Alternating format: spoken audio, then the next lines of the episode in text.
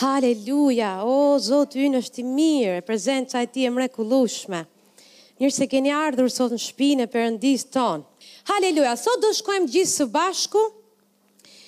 Refreni ynë do të jetë Marku njëmbëdhjetë. Dhe dua që ta hapni aty dhe do të qëndroni aty. Dhe dua të flas disa gjëra me shumë rëndësi. Unë besoj me gjithë zemër që sot ju do të merrni një përgjigje. për shumë gjëra në jetën tuaj. Bibla është plot me jetë njerëzish, me dëshmitë e tyre të se si mposhtën të gjitha gjërat që erdhën kundër tyre me fuqinë e Perëndisë. Dhe kur ju dëgjoni dëshmitë e njerëzve që dalin këtu në podium, qoftë disa dëshmi që i dëgjoni herë pas here, më besoni sa herë që ti e dëgjon një dëshmi, ti nëse ke një zemër të hapur do të marrësh diçka të re. Ti do të Perëndia ka përgjigjen tënde tek dëshmia e jetës dikujt. Amen. Perëndia dëshiron të të bekojë ty. Ndryshimi i jetës time, ndryshimi i këtyre njerëzve në Bibël, në fjalën e Zotit, janë shembull për ne që ne të ecim sikur Zoti dëshiron. Amen. Kështu që nuk duhen marrë kurrë lehtë as dëshmitë. Edhe kur i dëgjon ato disa herë sepse besimi vjen nga dhe dëgjimi nga Amen. Dhe kur ato dëshmi janë plot me fjalën e Perëndisë ia vlen të dëgjohen. Amen. Haleluja. Zoti ynë është i mirë. Sa prej jush kujtohet Jairi tek uh, Luka, tek Luka 8. Jairi u përball me një situatë shumë të vështirë në jetën e tij. ku kërcënimi dhe frika ishte kaq e madhe sa në raste të tilla ti mund të humbasësh mendjen. Por kush ishte instruksioni që Zoti i dha Jairit, që Jezusi i tha, Mos ki frikë, vetëm beso. Po gruaja me fluks gjaku. Gruaja me fluks gjaku që ne e përmendim shpeshherë, ishte një grua e cila kishte harxhuar të gjithë pasurinë e saj për dymbëdhjetë vite sa kur i mbaroi pasuria s'kishte më ça të humbte, ishte kaq shumë anemike për shkak të gjakderdhjes që kishte për dymbëdhjetë vite sa unë nuk e di se si ajo grua qëndroi në këmbë, shkoi edhe shtyu turmat që të shkonte të merrte mrekullinë e vet. Dhe nëse ti do mrekullinë tënde, ti duhet të shkosh ta marrësh dhe mos presësh që Jezusi të vijë aty ku je ti. Ti shko atje ku është Jezusi. Dhe Perëndia është tek gjithkush që është plot me të e Perëndia është në shpinë e tij dhe ti duhet të vish ta marrësh mrekullinë tënde. Sa prej jush ka nevojë për ata miq që hapin tavanin e që hapin çatinë që ti të marrësh mrekullinë tënde, njerëz besimi. Amen. Perëndia është duke shikuar për njerëz që e duan mrekullinë e tyre me çdo kusht, pa hequr kurrë dorë. Amen. Dhe jo pa hequr kurrë dorë në fjalë boshe, por aktivisht duke qëndruar në besim, sikur gruaja me fluks gjaku bëri. Ajo dëgjoi, ajo e besoi dhe ajo shkoi pavarësisht çmimit, e cila e vendosi jetën e saj në rrezik përveç sëmundjes, Sipas shkrimeve ajo quhej e papastër. Dhe ajo nuk duhej, nuk duhej që të dilte në publik sepse rrezikonte sipas shkrimeve të shenjta të gurëzoheshe. Ishte jetë apo vdekje dhe ajo zgjodhi jetën. Po ti dhe unë sot çfarë zgjedhim? A zgjedhim ne jetën kur përballemi me situata nga më të vështirat në jetën tonë? Dua t'ju tregoj dëshminë e një burri të perëndishëm që mbase një pjesë e juaj nuk e njeh, kështu që unë nuk po ia them emrin. E bija e tij kishte dyzet e shtatë masa në krahun e saj, kokrra, komplet krahu i saj ishte plot me me masa tumorale. Dhe shkojnë ia heqin në në në spital dhe supozohej që të ishte mirë. Kur pak më vonë ato vënë re Që jo vetëm këto dyzet e shtatë po këta sollën edhe kushërinj edhe kushërira me vete. Krahu ishte plot e përplot me masa dhe nuk kishte asnjë shpëtim. Babai vet i rritur ky burri Zoti që e ndan dëshminë në një në një familje besimi që nuk e njihte fuqinë Ringjallëse të Perëndisë nuk e njihte që Jezusi shëron ende sot, nuk e dinte këtë gjë. Kështu që në mënyrën e tij i thoshte Zotit çdo ditë, Zot shëroje vajzën time, Zot shëroje vajzën time, Zot shëroje vajzën time, për rreth dy vite e gjysëm. Ai i thoshte Perëndisë, Zot, Zot shëroje vajzën time. Shpesh herë neve mendojmë se për shkak se Jezusi na do, Kemi këtë mendësinë që, ah, meqë Zoti na do dhe përdorim këtë vargun që çdo gjë bashkëvepron për mirë për ata që e duan Zotin. Por Perëndia ka vendosur ligje dhe nëse ne nuk ia kërkojmë gjërat sipas Fjalës së Tij, ne nuk do të mund të marrim asgjë. Dhe ti nuk mund t'i thuash Zotit, Zot, shëro, sepse ai tashmë e ka kryer. Ai tashmë e ka bërë veprën e tij dhe ai është ulur dhe këtë pushtet ia delegoi kishës që je ti dhe unë. Amen. Dhe për shkak të insistimit dhe mosdorëzimit dhe të injorancës, shpesh herë Perëndia përgjigjet në nivelin ku ti je. Por kur ti del nga ai nivel, ai pret që ti të ecësh me besim. Amen?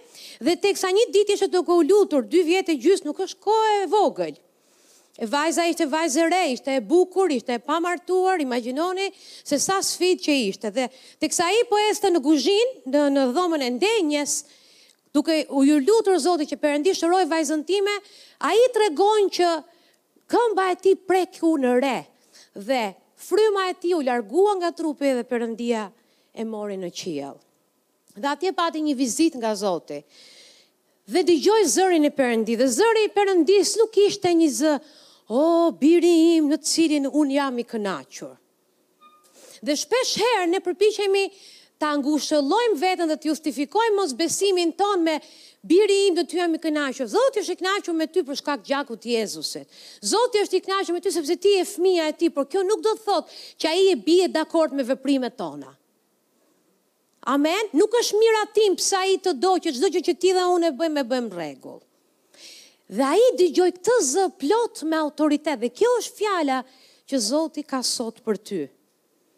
Dhe sa kohë do ta tolerosh këtë situatë në jetën e vajzës tënde?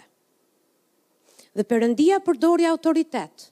Dhe ai u kthye dhe i tha Zot, po çfarë do të thuash ti me këtë? Të thashë edhe sa kohë do ta tolerosh këtë situatë në shëndetin e vajzës tënde. Edhe ai mund të thoshte, o zot, po ti pse më bërtet mu, ti shko fol me gocën, se ajo është e madhe vetë. Po ajo ishte e pamartuar, që do të thotë autoriteti ishte tek prindi. Edhe Perëndia pret nga ne si prindër, që ne të ushtrojmë autoritetin që Zoti ka dhënë në shëndetin e fëmijëve tanë, qëndrojmë për fëmijët tanë. Amen. Bashkëshortët qëndrojnë për gratë e tyre dhe për fëmijët e tyre. Amen. Kjo që ai tha, a nuk kam thënë në fjalën time, Që nëse ti i flet këtij mali, shkulu me rrënjë e hidhu në det, a dhe do të bëhet, a nuk të kujtohet i tha Jezusi kur unë e mallkova fikun, çfarë ndodhi? Ai u tha, Dhe ti dua që të shkosh e t'i mallkosh ato gjëra në krahun e vajzës tënde dhe nuk dua që ti të dyshosh. Instruksioni është mos dysho. Që do të thotë kur Zoti të përgatit dhe thotë mos ki frikë, vetëm beso, sikur i tha Jairit, ose Zoti të thotë mos ki frikë dhe mos dysho, atëherë do të marri pak kohë dhe ti duhet të qëndrosh i patundur sa për ty, për ty është kryer kur ti e ke mallkuar, i ke folur dhe ti duhet të vazhdosh rrugën tënde. Dhe erdhi nga prezenca e Zotit, erdhi sërish në shpi, fryma e tij u fut në trupin e tij, dhe shkoi menjëherë tek e bija, shtriu duart mbi të, i mallkoi të gjitha ato masa në krahun e saj, pikën jetën tënde. Edhe sa kohë, do ta tolerosh, duke parë mbrapa në të kaluarën tënde, edhe sa kohë, do ta tolerosh, që të kesh probleme me financat. Edhe sa kohë do ta tolerosh që të jesh i ndjeshëm, që të jesh krenar, që të jesh mburravec, që të jesh mishor e që të jesh ku di unë lloj-lloj gjëra vendose ti. Edhe sa kohë do ta tolerosh dhe pjesën tjetër mbushe ti. Po pse flet Zoti kështu? A është Zoti i ashpër? Jo, Perëndia nuk është i ashpër. Është më i ashpër sëmundja. Është më i ashpër depresioni. Është më i ashpër çdo gjë e keqe që përpjen përpiqet vjedhë, vrasë dhe shkatërrojë jetën tënde. Në fakt, kur Perëndia i foli këtij burri dhe i tha për sa kohë, edhe sa kohë, do ta tolerosh. Dhe shpesh herë nëse ti ke dëgjuar dhe dëgjuar dhe dëgjuar të njëjtat gjëra dhe ti nuk e bën ça Zoti të ka thënë, dikush do të të qëndrojë përballë fytyrës do të të thotë dhe sa kohë o njeri do të qëndrosh në këtë gjendje sepse i vetmi që të nxjerr nga këtu je ti. Ti je i vetmi që i ke çelësat për të dalë që këtu dhe duke zbatuar atë çfarë fjala e Zotit thotë. Po, por unë nuk e di se ça kam bërë. Nuk e di se si ndihem, ndihem çuditshëm, ka gjëra që nuk shkojnë. Dhe unë nuk e di a e kam dëgjuar mirë zërin e Zotit apo jo. A mundesh të bësh atë që ti ke dëgjuar nga Zoti dhe nëse ka Zoti diçka ekstra do ta tregojë rrugës, por fillo të bësh ça të ka thënë herën e fundit dhe nga aty nis çdo gjë. Amen. Mos ta komplikojmë jetën kot kur është kaq e thjeshtë. Perëndia do që ti t'i flasësh malit tënd. Ça emri ka mali yt? A janë financa? Mbaj mend një çift për vite me radhë në kishën tonë kur kemi qenë në Thuman, por edhe vazhdojmë të jemi në Thuman, por mbaj mend që ky çift jetonte gjatë gjithë kohës në skamje. Pse jetonte në skamje? Sepse kishin ndërtuar një stil jete që jetonin me anë borxhesh. Merrnin borxh, lanin borxh, merrnin borxh, lanin borxh. Dhe, disi në mendjen e tyre u qe fiksuar, që po të vinin tek altari dhe ne të shtrinim duart do të çliroheshin. Ka disa gjëra që shtrirja e duarve nuk e bën. Nëse ti ke probleme me borxhin, shtrirja do t'i shtrij duart që të punosh, të të punojë truri. Se nga borxhi, lutja nuk të shëron, por Por, të ndryshosh mënyrën se si merresh me financat, e të dëgjosh instruksionet e Zotit, e të mësosh çfarë fjala thotë për këtë çështje, e ndryshon. Amen. Dhe i shikonim vazhdimisht, o oh, lot që janë derdh në atë altar, për të njëjtën gjë, për të njëjtë rreth këtij rrethi vicioz, merr borxh laj borxh, merr borxh laj borxh, kjo nuk është jetë, kjo është skllavëri. Dhe Perëndia ka paguar një çmim shumë të lartë. Dhe fjala është, edhe sa kohë do ta lejosh një gjë të tillë? Edhe sa kohë nuk do të kesh mjaftueshëm për familjen tënde? Edhe sa kohë sepse pushteti dhe autoriteti t'është dhënë ty dhe mua? Ndryshoje. Po s'kam, ai do t'i japë farë mbjellësit. Ai do t'i japë farë mbjellësit. Ai e merr të mjerin nga pluhuri dhe e bën të ulet me princat. Amen? Një histori tjetër, sepse ne jemi ata që i tolerojmë këto probleme. Edhe gjatë gjithë kohës themi, pse Zoti s'po më bekon? Zoti s'po të bekon se nuk i zbaton ligjet që ai nuk i thyen as për Jezusin, as për ty dhe mua nuk do ta bëjë. Nëse thotë mbill, atëherë ti duhet të mbjellësh. Nëse thotë ço të dhjetën në shtëpinë e thesarit, ato atëherë çoje të dhjetat dhe ofertat në shtëpinë e thesarit. Ligjet e tij ai nuk i ndryshon për askënd. Perëndia është një Perëndi që i përgjigjet besimit. Amen, edhe bindjes. Një histori tjetër. Ky individ e njeh fjalën e besimit. Po e dini, unë gjithmonë e them, ta dëgjosh dhe ta njohësh nuk do të thotë patjetër që ti e vë në praktikë. Ti mund ta mësosh, mund ta predikosh, madje mund të jesh shumë i vajosur kur kur e predikon dhe mund të çalosh në jetën personale. Sepse sado që të jesh i vajosur në dhuntinë tënde si mësues a predikues a apostull a ça t'jesh, në fund të ditës ti je fëmijë i Zotit dhe ti duhet të ecësh me besim si çdokush tjetër në trupin e Krishtit. Amen. Dhe ky individ e shikoja vetëm Vetëm duke u vizituar, vizitohu me një doktor, vizitohu me një tjetër. Dhe është shumë e vështirë të merresh me njerëz që nuk duan të të dëgjojnë. Ti e ke përgjigjen, por nuk ke veshët e individit. Nuk i ke, dhe ty të qan shpirti, sepse ti e di përgjigjen, por nuk jua thua dot. Dhe kur qan ty e mua, po Atit Perëndi, që ka Mbi, ku di unë, mijëra vite që i mban krahat shtrirë, që ne të shkojmë dhe të bëjmë atë çfarë ai thotë që janë tre gjëra të thjeshta elementare, më beso. Dhe unë do të të tregoj lavdinë time. Amen. Edhe e mora këtë individ në telefon, se e dija që kishte pas sfida me shëndetin dhe më kishte ngel vetëm të çoj portokallet për vizitë se zërin nuk ma dëgjonte. Thash si je?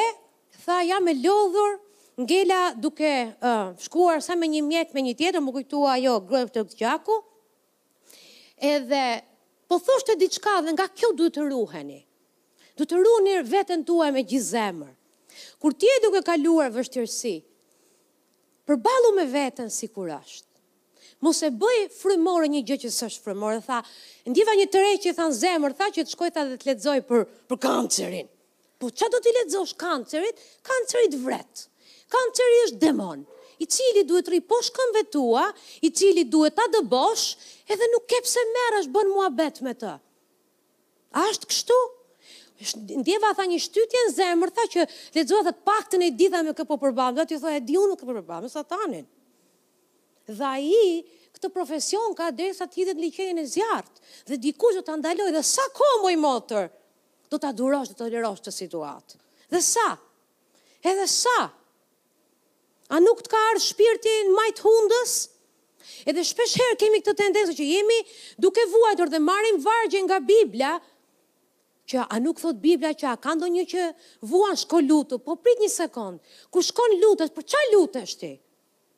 Se ti duhet dish për ça lutesh, ti duhet dish ça thot Bibla për situatën tënde, pastaj shko dhe lutu. Sepse të lutesh kot përmendësh, e të thuash gjëra përmendësh, si papagall, Perëndia nuk është aspak i interesuar. Ai do zemrën tënde që të çliron besim edhe jetë. Amen. Dhe përpiqemi ta veshim kështu me me anë frymore kur nuk ka asgjë frymore në të. Jo motër, jo, nuk të drejtoi Zoti që të shkosh të lexosh, sepse në momentin që do do luftosh me shëndetin tënd sipas fjalës Zotit, ajo njohuri që lexove do të të bëhet hendek për të besuar këtë njohurinë që jep jetë këtu. Pse ta fusësh veten në qorrsokake të tilla, kur është më mirë, pastori tha një gjë shumë të bukur, është mirë të jesh në ca gjëra i paditur. Mos t'i dish! S'ke pse! Sepse kur ti e di se si funksionon, e zëmë, po marrim Covid-in, trupi flet! Edhe trupi fillon të flet, e shikon të janë zënë hundët, e shikon që ke pak siklet me, me frymëmarrje dhe befas, çdo gjë bëhet kaq reale, pse? Sepse ke dëgjuar diku që kështu ndodh, kështu vdiskan njerëzit. Dhe besimi vjen nga dëgjimi i çfarëdo lloj gjë që ti ja jep veshët. Dhe nëse ti dhe unë ja japim veshët tonë fjalës Zotit, ne do të jemi të lirë. Amen. Është kaq shumë e rëndësishme. Është kaq shumë e rëndësishme. Kush janë gjërat dhe sa kohë ti do të qëndrosh në këto situata? Do të tregoj një histori që është një nga ato që ta thyen zemrën. Dhe kjo është për të gjithë baballarët, për të gjithë bashkëshortët. Se sa shumë pushtet dhe autoritet ju ka dhënë Zoti si priftërinj të shtëpisë tuaj. Ju jeni përgjegjës që nga që nga kopshti i Edenit për të ruajtur bahçen tuaj. Shyqyr s'e keni me katër lumenj që të orientoheni, dy dhoma e kuzhinë keni, nëse është e mundur ta ruani, do ishte shumë bekim. Dhe kur Zoti thotë ta ruani, nuk e ka fjalën të ruash dritaret dhe dyert, pavarësisht se edhe ajo është e përfshirë. Por të ruash gruan tënde, fëmijët e tu nga çdo sulm frymor. Është përgjegjësia e çdo babaje, ka dhënë Zoti këtë përgjegjësi, jo unë. Dhe mbaj mend vite përpara, ka gati mbi 10-12 vite, nuk jam fort e sigurt. Ishim në ishim në Itali, bashkë me pastorin, dhe një mikeshë imja e vjetër na thërret, kisha shumë kohë pa e takuar.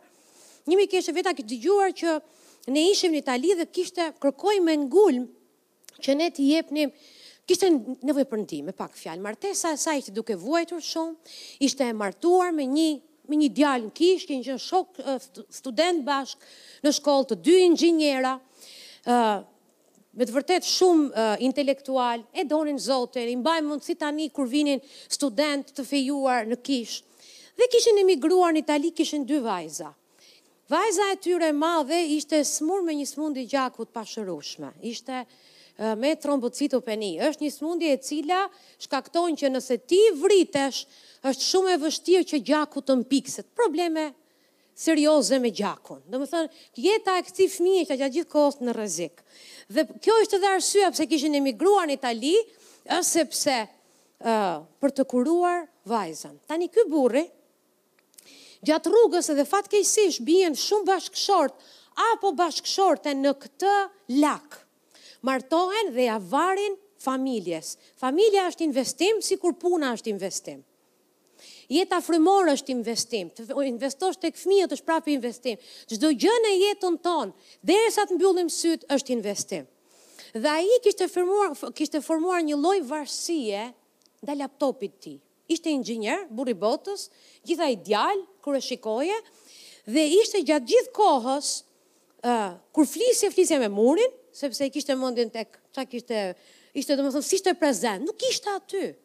Dhe e shoqja vraponte sa nga një spital me një spital për të luftuar për shëndetin e të bijës dhe bashkëshorti nuk ishte gjëkundi. Ja ku është një derë gjigante që ti ja ke hapur t'ligut dhe asnjëri nuk ka drejt t'i thotë Zotit po ku ishe ti o Zot? Isha kur ta dhash ty të drejtën që të ruash shpinë tënde. Ruaje! Ruaje sepse vjedhësi është hajdut dhe ai çdo derë që ti e hap do do të hyjë atje brenda. Dhe e mbaj mend ajo ishte e dëshpëruar dhe do ja tregoj është është e trisht, është e tmerrshme.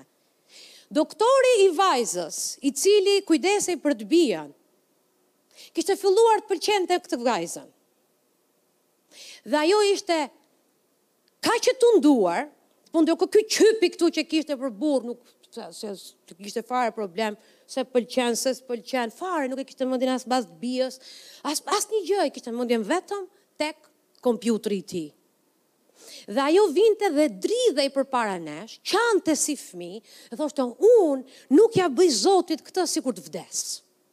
Tani, jo të gjitha gratë janë kaq besnike, kur ti ja ke varë për vite siç ja kishte varë ai, ajo e kishte frikën e Zotit, po ka njerëz tjerë që bien shumë më shpejt pre e këtyre gjërave. Dhe arsyeja pse ajo ra pre, një ditë Zoti do t'i kërkojë llogari atij burri, sepse nuk u kujdeste për shpinën e tij.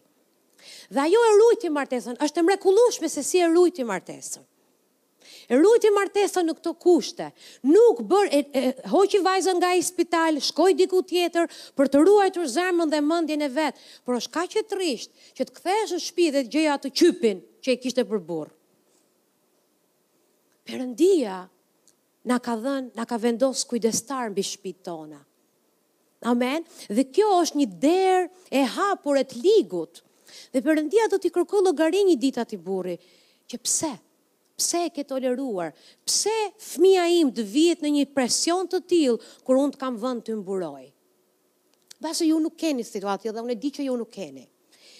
Por po jap raste ekstreme se si një derë e vogël mund të bëhet një derë e madhe.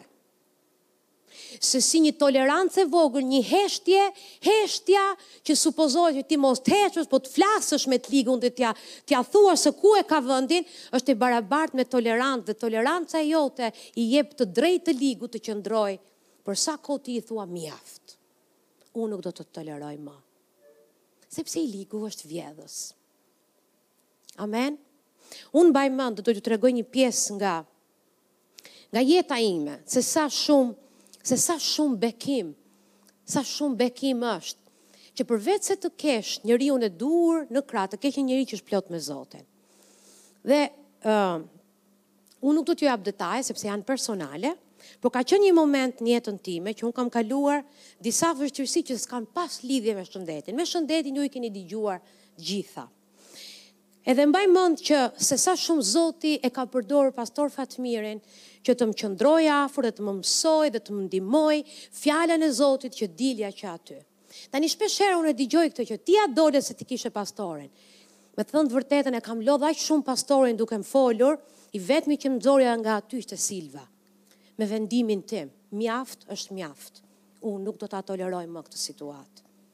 Se po më vidhte martesën, se po më vidhte paqen e shpisë, se po më vidhte shëndetin, se po më vidhte gëzimin, dhe sado që një njeri i Zotit të të flasë ty qoftë ai dhe bashkëshorti, e ti edhe ke atë idenë që e ti e ke pastor, prandaj po jo. Shikoni, Juda kishte pastorin më të mirë në botë. Dhe prapë dështoi, sepse është zgjedhje personale, ti zgjedh të ndjekësh ose jo, ti zgjedh të bindesh ose jo. Dhe sado që ai burrë fliste, derisa unë thash mjaft, asgjë nuk ndryshoi. Të gjitha më janë kujtuar mbrapa, kur unë thash mjaft, gjitha m'u kujtuan, dhe gjitha më shërbyen, gjithë ajo dritë, gjithë ajo njohuri, por kuptova që po bëja çdo gjë gabim dhe mbaj mend si tani. Ishte një moment që për shkak se nuk isha mirë dhe isha duke vuajtur një e dy dhe shkoja lutesha. Po lutja nuk ishte ajo çfarë unë duhet të bëja. Unë duhet të merrja autoritet dhe frerët e jetës time në dorë vetë. Dhe e mbaj mend që një ditë më tha, të pash dhe një herë që shkon lutesh, ke punë me mua. Imagjino të të thotë dikush mos u lut. Pse është gabim të lutesh? Jo, nuk është gabim. Ti mbushu një herë me fjalë dhe pastaj shko dhe dije se ça po lutesh. Se nëse ti del nga lutja më në depresion se ç'hyre, ti nuk je lutur. Amen. Nëse je futur në lutje dhe del nga aty më i ngatërruar, kur fjala e Zotit është kaq shumë e qartë dhe kaq shumë e pastër, Dhe ti lutesh që pse ndihem unë kështu. Zoti nuk i përgjigjet ndjenjave tua, ndjenjat e tua duhet të të ndjekin ty. Dhe i shkoja me fraza të tilla edhe i thoja, isha shumë mirë, por kur dola që këtu, paqja më iku. Po dhe ça pastaj më thoshte ai mua që të iku paqja? Bibla ça thotë. Dhe sa për ju që s'e dini ça është një kiropraktor, unë nuk e di fjalën shqip, po është një doktor që t'i çon kockat në vend. Nuk është fizioterapist, është një rang më i lartë. Pak rëndësi. Uh, kur ti shkon tek ai dhe për shembull ke probleme me shpinën dhe pak me kurrizin e dalë, Për shkak se ti ke ecur për vite të tëra në këtë pozicion, ai ti shkon tek ai, ai ta, ta, ta çon në vënd dhe thotë do vish edhe 10 seanca të tjera që do ta çojnë në vënd sepse ajo pa, jo pa dashje, por në mënyrë instinktive shkon atje ku ishte sepse ka qëndruar gjatë në atë pozicion. Dhe ti duhet të vish për shumë seanca derisa shtylla kurrizore të bindet dhe të rri aty ku e ka vëndin. E njëjta gjë është me fjalën e Zotit. Mos u impresiono pse ti nuk po të ndryshojnë rrethanat dhe situatat menjëherë. Foli derisa të ndryshojnë. Qëndro derisa të vijë ndjenja dhe në t'ardhtë që le të mos vijnë. Ama ti dhe unë kemi përgjegjësi të qëndrojmë në fjallën e Zotit. Pastori Renner tregon një histori shumë të bukur kur flet për fortesat e mendjes. Tha, isha i vogël, tha 9 vjeç dhe im atë më mori, do shkonim, kishim blerë një shtëpi të vjetër se nuk mund të paguanim tullat që na duheshin për shtëpinë e re, do ndërtonim diçka. Kjo që çfarë bëmë, blemë një shtëpi të vjetër dhe do merrnim tullat e asaj shtëpisë së vjetër. Dhe kur e pashë shpinë, i thashë, bab, po si do ta bëjmë këtë dhe kishim të dy, atë dhe bir, nga një çekiç në dorë. Edhe i thashë, ba, po si do t'i marrim ne këto tullat këtu? Biri im tha tull pas tulle. Bjeri tullës së parë, e heqim. Tjetrës, tjetrës, tjetrës, tjetrës, tjetrës, derisa mos të ketë mbetur asgjë. Atëhere, ndjenjat do të të ndjekin ty. Por kur ti ke qëndruar gjatë dhe ke ke pasur mendësi dhe mentalitete nga më të çuditshmet për arsye mëkati, për arsye abuzimi, për arsye sëmundje, për çfarëdo lloj arsye. Fjala e Zotit thotë, ndalu, çfarë thotë shkrimi, shpalle dhe nënshtroja te Jezus Krishti, derisa tulla e fundit të ketë rënë për tokë. Sepse fortesat nuk bien me nji shpallje fjale. Dhe problemi tjetër është që mua më ka ndodhur shumë herë dhe pastori e përmendi pak herën e kaluar, po flisja me një zonjë të nderuar, një nënë shumë e çmuar, dhe po thoshte unë bëj çdo gjë që Bibla më thotë, pse unë jam smur? I thashë për ekzaktësisht për këtë që the, se ky është besimi yt dhe ajo që jo ajo që ti ke shpallur. Dhe ti do vazhdosh të jesh i smur derisa ti ta kuptosh se çfarë është besimi. Besimi është shumë i thjeshtë. Ti e konsideron fjalët e Zotit si të vërteta. Kaq i thjeshtë. Kur ti e konsideron çfarë Bibla thotë është për ty dhe të aplikohet ty, ti je i lirë. Amen. Shpesh herë në vend që t'i flasim malit, i flasim Zotit për malin dhe nuk funksionon. S'ka për të lëviz një herë mali, për sa kohë i flasim Zotit për malin. Foli malit në emër të Zotit dhe ai do të shkulet me rrënjë. Amen. Dhe ti nuk mund të flasësh pa e mbushur zemrën me fjalë. Besimi vjen nga dëgjimi e tashme, jo nga ajo çfarë ti ke dëgjuar e shkuar. Vjen nga dëgjimi tani. Ushqimi i djeshëm nuk të bën më dobi, të duhet ushqim i ri sot. Amen. Besimi vjen nga dëgjimi sot. Ti sot ulesh dhe dëgjon nga fjala e Zotit. E dëgjon, e dëgjon sa të dëgjoj pastor, derisa besimi do ta bëjë të, të hapen llampat. Derisa ti të besosh në zemrën tënde me drejtësi dhe pastaj të bësh rrëfim për shpëtim, për çfarëdo lloj situate. Amen, dëgjo e dëgjo e dëgjo. Dhe pas shumë seancash që edhe ato flokë që i kishin mbetur Jehova, fol e fol e fol e fol. Isha një gjysë ditë e mirë, pastaj shkoja prap tek ai llumi im. Vija prap në vete, shkoja prap te llumi, derisa një ditë thashë mjaft. Unë nuk do ta toleroj më. Edhe Zoti më ka folur në të gjitha këndet e mundshme. Dhe isha kaq shumë e fokusuar tek mënyra se si ndjesha dhe ke dhimbja ime sa nuk po e dëgjoja zërin e Zotit. Dhe aty ku ti e vendos vëmendjen tënde, aty e ke edhe besimin. Vendose vëmendjen tënde te çka Zoti flet për ty dhe ti do të jesh i lirë sikur fjala e Zotit thotë. Amen. Dhe emocionet e tua janë trajnuar keq. Janë trajnuar negativisht në këtë fushë ku ti je duke vuajtur për një kohë të gjatë, tregoji kush komandon. Tregoji çfarë fjala e Zotit thotë. Edhe ato do të të ndjekin ty. Emocionet janë dhuratë nga Zoti, por i ligu gjithashtu i përdor dhe i shtrëmbron dhe dhe dhe i trazon ato. Prandaj ne nuk duhet të udhëhiqemi me anë të tyre, por me anë të fjalës së Zotit. Dhe kur ti ndjen se paqja e Tij, Bibla thotë që që paqja e Tij është në ne gjatë gjithë kohës. Beso shkrimin. Nuk ikën paqja si me qenë zog. Princi paqës është Zoti yt, është mbreti yt. Pavarësisht çfarë ndjen, pavarësisht se sa trupi yt dhemb nëse je duke u sfiduar nga ana e shëndetit, Qëndro në fjalën e Zotit edhe foli, ashtu si Zoti i tha këtij burri dhe tha dhe sa kohë do ta tolerosh dhe nuk do t'i flasësh sikur unë të kam thënë dhe mos dyshosh. Amen.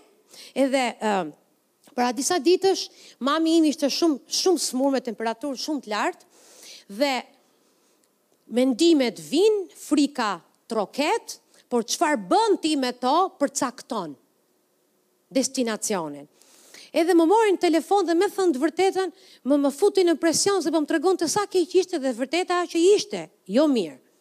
Nuk i binte temperatura, e kishte shumë të lartë dhe e mbylla telefonin dhe po shqetësoja ça të bëj dhe në të natyrshmen kur ti je në presion dhe frika troket, logjika menjëherë mpihet. E thashë jo jo jo jo jo, ndal. Ça më ka thënë Zoti për prindrit e mi. Zoti më ka thënë që ata do ta shohin mirësinë e Zotit në dheun e të gjallëve. Satan hiqi duart nga nëna ime, ajo është e blerë me gjakun e Jezusit, amen. Edhe ia futa gjumit dhe mora mamin në telefon në mëngjes dhe tha, pasi kam fol me ty, tha më ra temperatura dhe doli për pi kafen në mëngjes. Kujto ça thotë Bibla, mos lër panikun të diktojë çfarë ti beson. Mos lër ndjenjat apo çfarëdo lloj rrethane të të diktojnë ty se si ti dhe unë duhet besojmë. Amen. I ligu gjatë gjithë kohës përpara fytyrës tënde për të të thënë se sa dështak dhe se sa i mposhtur ti je. Unë dua që të shkojmë në një histori në Bibël që mua më bekon shumë. Të shkojmë tek Gjyqtarët shtatë. Pasi Gideoni ishte ai individ që Zoti e thirri për ta bërë popullin e tij të lirë dhe për të mposhtur madianitët, i bekuari për shkak se kishte qenë në në nën pushtetin e këtij pushtimit të armikut për një kohë të gjatë, e pati shumë të vështirë të besonte Që Zoti mendonte që ai është trim. E kishte shumë të vështirë, sepse nuk e kishte rinovu mendjen e tij me këtë të vërtetë. Por Perëndia mendon që ti, ti je trim. Perëndia mendon që ti je drejtësia e Perëndisë në të. Perëndia mendon që ti je më shumë se sa ngadhënjimtar në Krishtin Jezus. Perëndia mendon që ti je lindur për të mbretëruar. në këtë jetë me anë të gjakut të Jezusit, me fuqinë e dëshmisë tij. Amen. Kështu e mposhtim ne satanin gjatë gjithë kohës. Dhe kjo është mënyra kur ti mendon se kush je dhe çfarë ke në Zotin, fitorja thjesht të ndjek ty. Është thjesht pasojë e besimit që ti ke, që ti e shpall dhe qëndron, dhe fitorja është pjesë e jetës tënde, e jetës tënde të përditshme. Dhe ja ku e kemi Gideonin, pasi ai testoi ushtrinë e tij dhe mbeti vetëm me 300 burra, Zoti i thotë kështu. I thotë tek vargu 9. Po atë natë Zoti i tha Gideonit, "Çohu dhe bjeri kampit sepse unë ta kam lënë ty në dorë." Thoni bashkë me mua, "Unë ta kam lënë ty në dorë." Kujt ia ka lënë Zoti në dorë? Okej. Edhe i ka lënë kampin, që ishin armiqtë. Që do të thotë, Ta kam lënë ty, ty të kam vendosë trashëgimtar e përkthyer për ty tani. Ti je trashëgimtar, i ulur me Krishtin në vendet qiellore. Ta kam lënë, thotë, ty në dorë. Dhe vargu njëmbëdhjetë thotë, më fal te dhjeta, po në rast se ke frikë ta bësh, zbrit në kamp me Purahun, me shërbëtorin tënd dhe do të dëgjosh çfarë thonë. Mbas kësaj duart e tua do të forcohen dhe do të jesh në gjendje të sulmosh kampin. Ai zbriti pra deri në pozicionet e përparuara të kampit bashkë me Purahun, shërbëtorin e tij. Vargu trembëdhjetë, thotë, Kur arriti Gideoni, një burrë po tregonte një shoku të vet një ëndërr, dhe përpara ta tregoj ëndrrën. Kur ti e dëgjon zërin e të ligut, ai nuk do të thotë asnjëherë që ti je fitimtar. Kurrë. Kur ti e dëgjon zërin e të ligut, edhe kur ti fiton, edhe kur ti ë ë ia del në situata të ndryshme me fuqinë e Zotit, ai gjithmonë do të gjejë gjëra që s'shkojnë që të dekurajojë, që të të uli poshtë, sepse i tillë është natyra e tij. Është ati i gënjeshtrës dhe gjatë gjithë kohës do të të gënjejë ty në veshët e tij. A më kupton? Përpara fytyrës tënde ai do thotë gjithë kohës që ti je dështak. Po shikoni se si thotë këtu. E thotë dhe pashë një ëndërr, por Satani ka një mendim tjetër kur flet me ushtarët e tij për ty dhe mua. Dhe në fakt ai është çfarë ai mendon vërtet për ty dhe mua. Thotë sapo pashë një ëndërr, më dukej sikur kisha përpara një bukë prej elbi që rrokullisej në drejtim të kampit të Madianit. Arrinte në çadër dhe e godiste duke e përmbysur dhe duke e rrëzuar. Atëherë shoku i tij iu përgjigj dhe i tha, Kjo nuk është tjetër veçse shpata e Gideonit, birit të Joashit, burrë i Izraelit, në duart e tij Perëndia e ka lënë Madianin dhe tërë kampin. T'jua përkthej se ç'a Zoti po thotë për ty, pavarësisht se çfarë ti je duke kaluar, Thotë kështu, Atëherë, thotë, shoku iu përgjigj dhe i tha, Kjo nuk është gjë tjetër veçse shpata e frymës. Ti je bir i Perëndisë, je, je fëmijë e Tij, në duart e tua Perëndia ka lënë çdo pushtet të errësirës. Kjo është e përkthyer për ty. Mbasi dëgjoi tregimin e ëndrrës dhe interpretimin e saj, Gideoni ra përmbys në shenjë adhurimi, pastaj u kthye në kampin e Izraelit dhe tha, Çohuni, sepse Zoti na ka dhënë në duart tona kampin e Madianit. Perëndia është një At kaq i mirë. Ai pavarësisht mosbesimit, pavarësisht pasigurive, pavarësisht frikrave tona, betejave tona, në fund ai është një At i mirë. Dhe ai do bëjë më të mirën e tij që të të ngushëllojë ty, që të të forcojë ty dhe ai prandaj duke parë pasiguritë që Gideoni kishte i tha, Ti nuk po më beson që je luftëtar i fortë dhe trim? Hajde me mua ta dëgjojmë çfarë thotë armiku për ty. Hajde se armiku nuk ka atë mendim që ta thotë ty në sy pas shpinës tënde. Nuk ka atë mendim. Ta ka frikën, prandaj të gënjen ty gjatë gjithë kohës. I tha, dhe kur ta dëgjosh, ti do të forcohesh. Dhe ai tha le të çohemi. Le të çohemi sepse Zoti na e ka lënë në dorë. Çfarë është ajo gjë që është ngritur kundra teje dhe të bën ty të vuash? Jepi fund. Jo me lutje e përgjërime, por beso fjalën e Zotit. Ti je i ulur me Krishtin në vendet qiellore. Amen. Ti je më shumë se sa ngadhnjimtar. Ti je bir i Perëndisë së gjallë. Ti je i ndarë mënjanë, i marrë nga pushteti i errësirës, i vendosur në dritën e Tij të përjetshme. Amen. Ai të ka marrë ty jo me delikatesë nga pushteti i errësirës, po ai të mori ty me dhunë nga pushteti i errësirës dhe të çoi në mbretërinë e birit të tij të dashur. Me anë të gjakut të tij ti je i shfajësuar, me anë të gjakut të tij ti je i falur. Me anë të gjakut të tij ti ke trashëguar dhe ti për shkak të këtij gjaku qëndron pa turp e pa faj në prezencën e Zotit. Po unë nuk ndihem o pastore as pa turp, ndihem edhe i turpëruar edhe me faj. Bibla thotë të kundërtën. Dhe nëse ne sjellim në gjakun e Jezusit gjithçka që kemi bërë gabim, Ai është besnik dhe i drejtë dhe Ai do të na i falë fajet tona. Dhe Ai nuk t'i kujton ty kurrë më. Amen. Mbaj mend kam qenë duke u marrë para ca vitesh me një vajzë. kishte kaq shumë probleme me me me të pranuarin që Zoti e do dhe që Zoti e ka falur, nuk kisha parë një njeri që ta dënonte dhe masakronte veten aq shumë me ditë të tëra kur bënte diçka të vogël no njerëzore normale gabim. A më kuptoni? Dhe mbasi i kisha folur, i kisha folur që besimi duhet të vijë nga dëgjimi, dëgjimi vjen nga fjala e vërtetë e Perëndisë. Një ditë e përballa edhe erdhi po më thoshte të njëjtin problem që jam duke vuajtur, sepse si mundem unë? Dhe i thashë, motër e dashur, ti ke probleme serioze me krenarinë. Dhe kur ua thua njerëzve këtë thua, unë problem me krenarinë, po unë, unë jam kaq i përulur se unë mendoj që s'e meritoj, e vërtetë, ti, ti nuk e meriton, as unë nuk e meritoj. Po nëse nuk e beson, atë dhuratë falas që është bërë me anë të gjakut të Jezusit dhe nuk e pranon, ti je duke i thënë në krenari Zotit që nuk është mjaft vepra e tij. Dhe vepra e tij është mjaft. Dhe vepra e tij është kryer. Ti vetëm duhet ta besosh. Trajtoje dënimin, trajtoje frikën, trajto çdo gjë që vjen kundra jetës tënde, sikur Bibla e trajton. Amen. Mos u ul të bësh muhabet me ndjesitë e dënimit. Mos u ul të bësh muhabet me ndjesitë e shtypjes. Mos u ul të bësh muhabet me Satanin, sepse është burimi i gabuar, por ulu dhe dëgjo ça Zoti ka për ty. Sepse ai ta ka lënë ty në dorë kampin. Ti sa kohë do ta lejosh që armiku të bëjë dasëm në jetën tënde? Edhe sa kohë do ta lejosh që të rrish me kokën poshtë? E dini se sa shëmtuar duket një fëmijë i Zotit që është i blerë me gjakun e tij. Viktor, mund të vish pak se dua të ilustroj diçka. Kjo nuk është zinxhir, po ju do të mendoni që është. Se unë nuk gjeta zinxhir. E dua të ilustroj diçka sepse mua më ka bekuar shumë.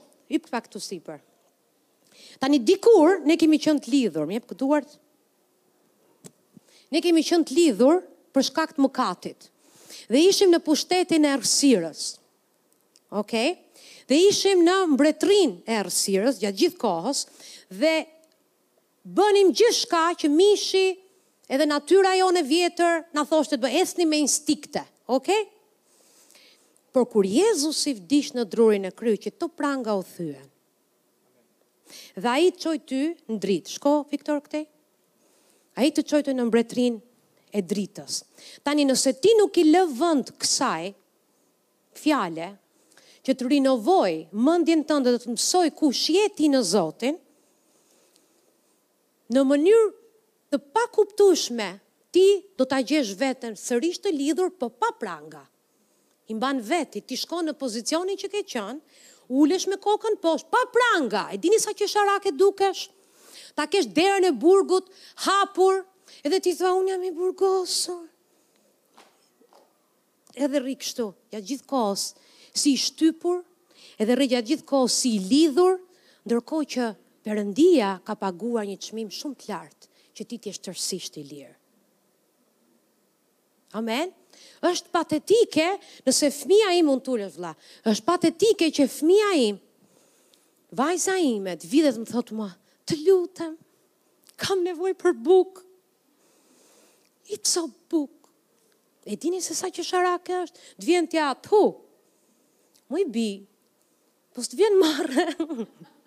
A s'e di frigoriferin ku e ke? Shko dhe ha. Jo, unë jam e përulur dhe unë do kërkoj nga ti. Po ik more ha. Ik, ik hape frigoriferin, hape sirtarin, edhe ushqehu, sepse është falas për ty. Është e jotja të përket, ushqehu mirë. Mos u sill si viktimë në shpi tënde. Mos u sill si viktimë në mbretërinë e Zotit, se nuk i ka hije të themi që jemi ulur me Krishtin në vendet qiellore, jemi, Jezusi është vllai ynë i madh, jemi trashëgimtarë dhe bashkëtrashëgimtarë, dhe këtej ngecim me një pikë, që është, ti je i falur, Ti je i dashur, ti je i shëruar, ti je i bekuar. Perëndia ka një destinacion të mrekullueshëm për ty. Ka një të ardhme plot dritë. Po, po, unë, unë, unë, unë nuk shoh asgjë në të ardhmen time, pastor. Po kush të tha ta shofësh? Ti duhet ta besosh që ka në të ardhmen tënde. Sepse këtë thotë Zoti. Dhe Zoti thotë duke i harruar ato që kam lënë pas. Keni parë një njeri që të përpiqet të ecë para kështu? Nuk do të vonojë, nuk do të vonojë, po do përplaset me gjithkënd që ka përpara, sepse e ka kokën gjatë gjithë kohës pas. Gruaja e Lotit nuk e dëgjoi instruksionin që Zoti i dha. Dhe i tha, "Mos shiko mbrapa. Mos i hiq duart nga parmenda, të thotë ty dhe mua, sepse ai që i heq dhe kthehet mbrapa, shpirti i tij nuk do të gjejë pëlqim në të. Ne nuk jemi nga ata që tërhiqemi prapa për humbje, por ata që besojnë në shpëtimin e shpirtit. Arsyeja pse populli i Zotit qëndroi për dyzet vjet në shkretëtirë është sepse koka e tyre mbeti dyzet vjet mbrapa dhe nuk e bënë kurrë dyshimin besim dhe të shkonin në tokën e premtuar, ku rrjedh qumësht dhe mjaltë. Lëre dyshimin, mos rri ta gjithë kohës dyshosh, çfarë është dritë të lutem mos i thuaj që është e zbehtë, drita është tërësisht dritë sepse Jezusi është dritë.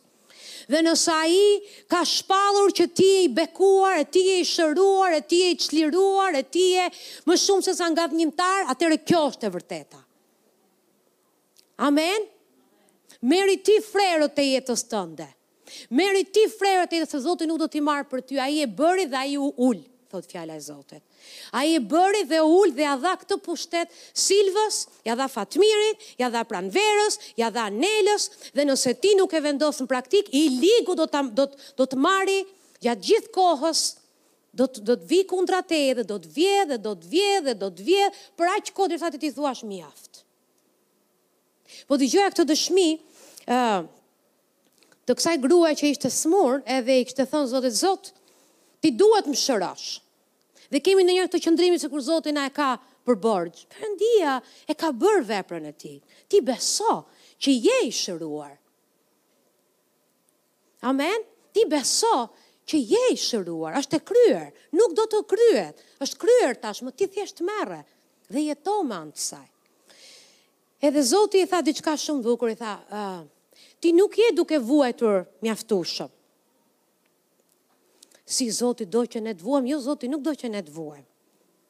Por kur ti ke ardhur në fund të vetes, E je lodhur 12 vjet ke shpenzuar gjithë pasurinë në çdo lloj doktori, me çdo lloj teorie, me çdo lloj mundësie, kur ti nuk ke më fuqi dhe thuaj dorëzohem, Zoti thotë haleluja, më në fund Tani mund të bëj diçka.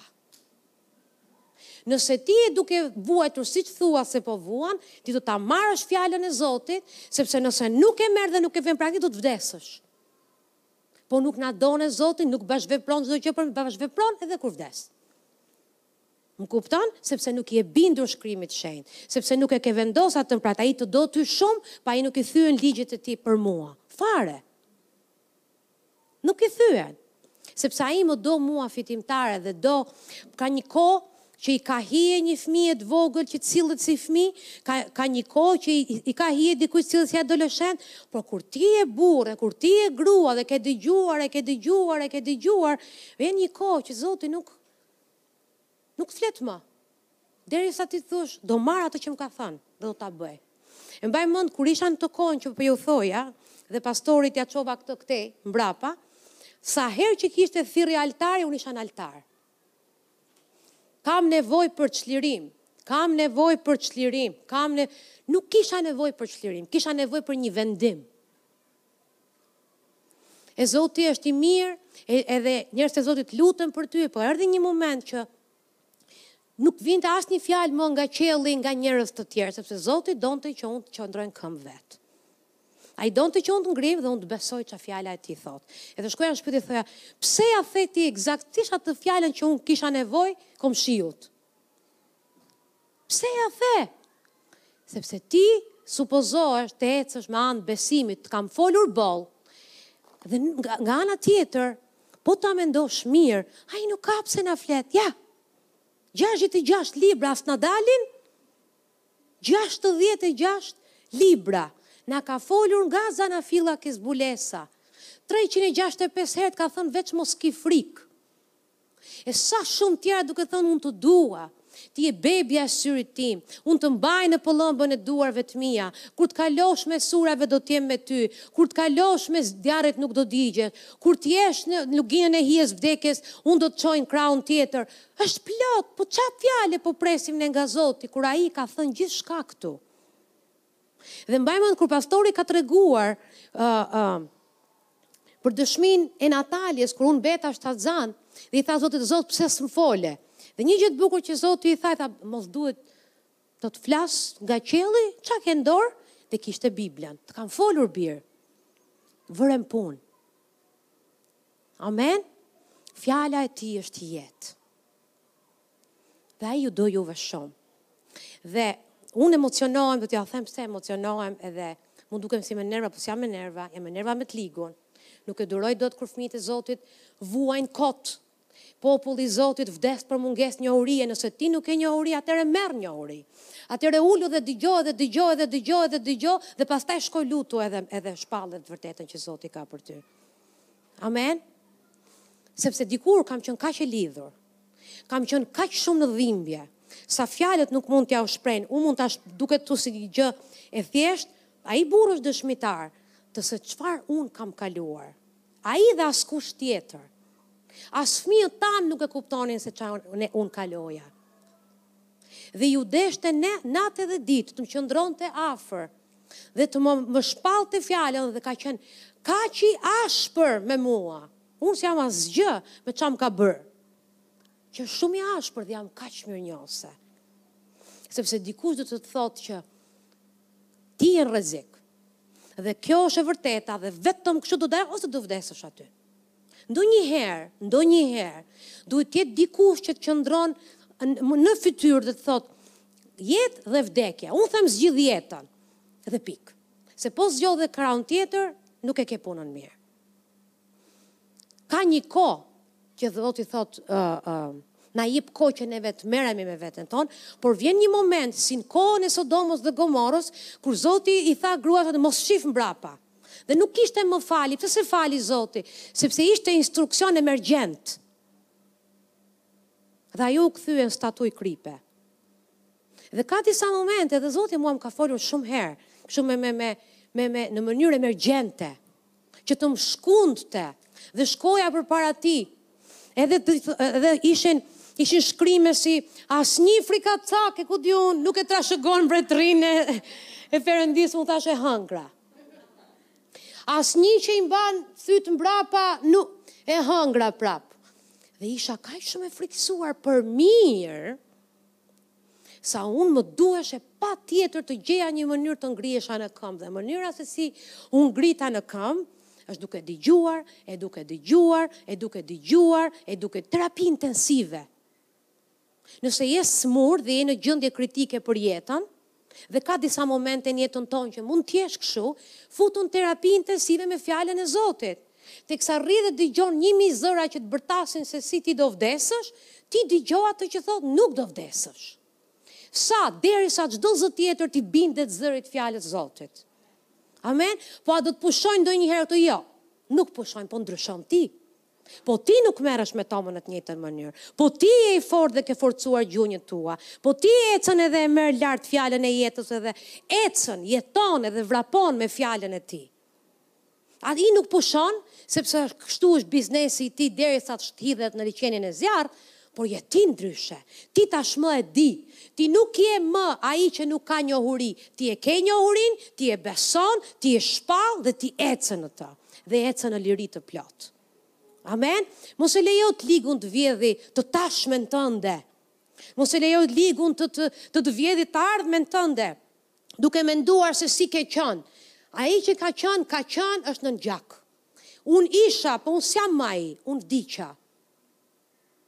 Edhe mbaj mend, kur pastori më thoshte që ti ta kuptosh, më thoshte do të marr një ditë, do marrim një gur, do ta vejmë kështu varr, edhe do thush Silvana Seriani vdiq në datën kaq, tani je një krijesë e re, që ta shohësh që ti nuk je më ky individ. Edhe sa kohë do zhbirilosh pse, kur, qysh dhe pse. Këto janë të gjitha, të gjitha fjalë që vijnë nga i ligu. Dhe problemi im ka qenë se unë i jepja veshin dyshimit, po sikur të ketë diçka që s'shkon me mua. Po Zoti është një Perëndi që flet do të ta thotë. Dhe nuk të mban ty në torturë pa fund, se nuk është në biznesin e torturës. Nëse ka diçka që s'shkon me ty, nëse ka diçka që ti nuk e di, ai do të ta jap. Sepse është një atë i mirë. Do të thotë këtu bir dhe mua më tha, dyshimi është problemi yt. Dyshimi është problemi yt, frika është problemi yt, ke qëndruar kaq shumë në këtë zonë sa je nervoz kur del këtej, po pate paqe duket sikur ça u bë. Sepse ke qenë kaq gjithë kohës në emocione të forta të dyshimit, frikës dhe padenjësisë. Ti je në një mbretëri tjetër dhe operon në ligje të tjera. Operon në ligjet e mbretërisë. I ligu është pas thirrjes tënde. pas fëmijëve tu, pas martesës tënde. Është pas jetës tënde, është pas shëndetit tënd. Dhe mbaj mend zërin e Zotit kur isha në këtë vorbull edhe këtë gjë më ka thënë dhe ishte kaq i fortë sa mu duk sikur gjithë vendi u mbush me prezencën e tij. Tha bir ruhu, se është pas fjalëve tua.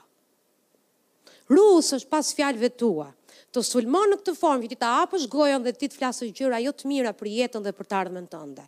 Ruaje gojën. Ruaje gojën. Po s'e je në presion, ruaje gojën. Mbushu edhe fol. Dhe mbasi fol, dil që aty dhe vazhdo jetën. Edhe shijoe. Sepse Jezus është i mirë. Edhe ai është gëzimi ynë, edhe ai është forca jonë. Edhe e mbaj mend kur kur flisja me me tim shoq për të që thotë, po pse mor burr më bërtet, po s'e kam me ty, po, po ta kisha fizikisht. Atë që që të gënjen ty në në mendjen tënde, do ta kisha shqy. Nuk e kam me ty. E kam me gënjeshtrat. Edhe sa kohë do ta tolerosh të ligun. Për çfarëdo lloj gjëje që jeta jote nuk shkon mirë në këtë moment, edhe imja. Sepse unë e di për ça më ka folur me këtë mesazh. Unë e di se ku kam toleruar dhe kam vendosë që mos ta toleroj më në atë fushë. Kush është fusha që ti e ke toleruar? Mos e tolero më.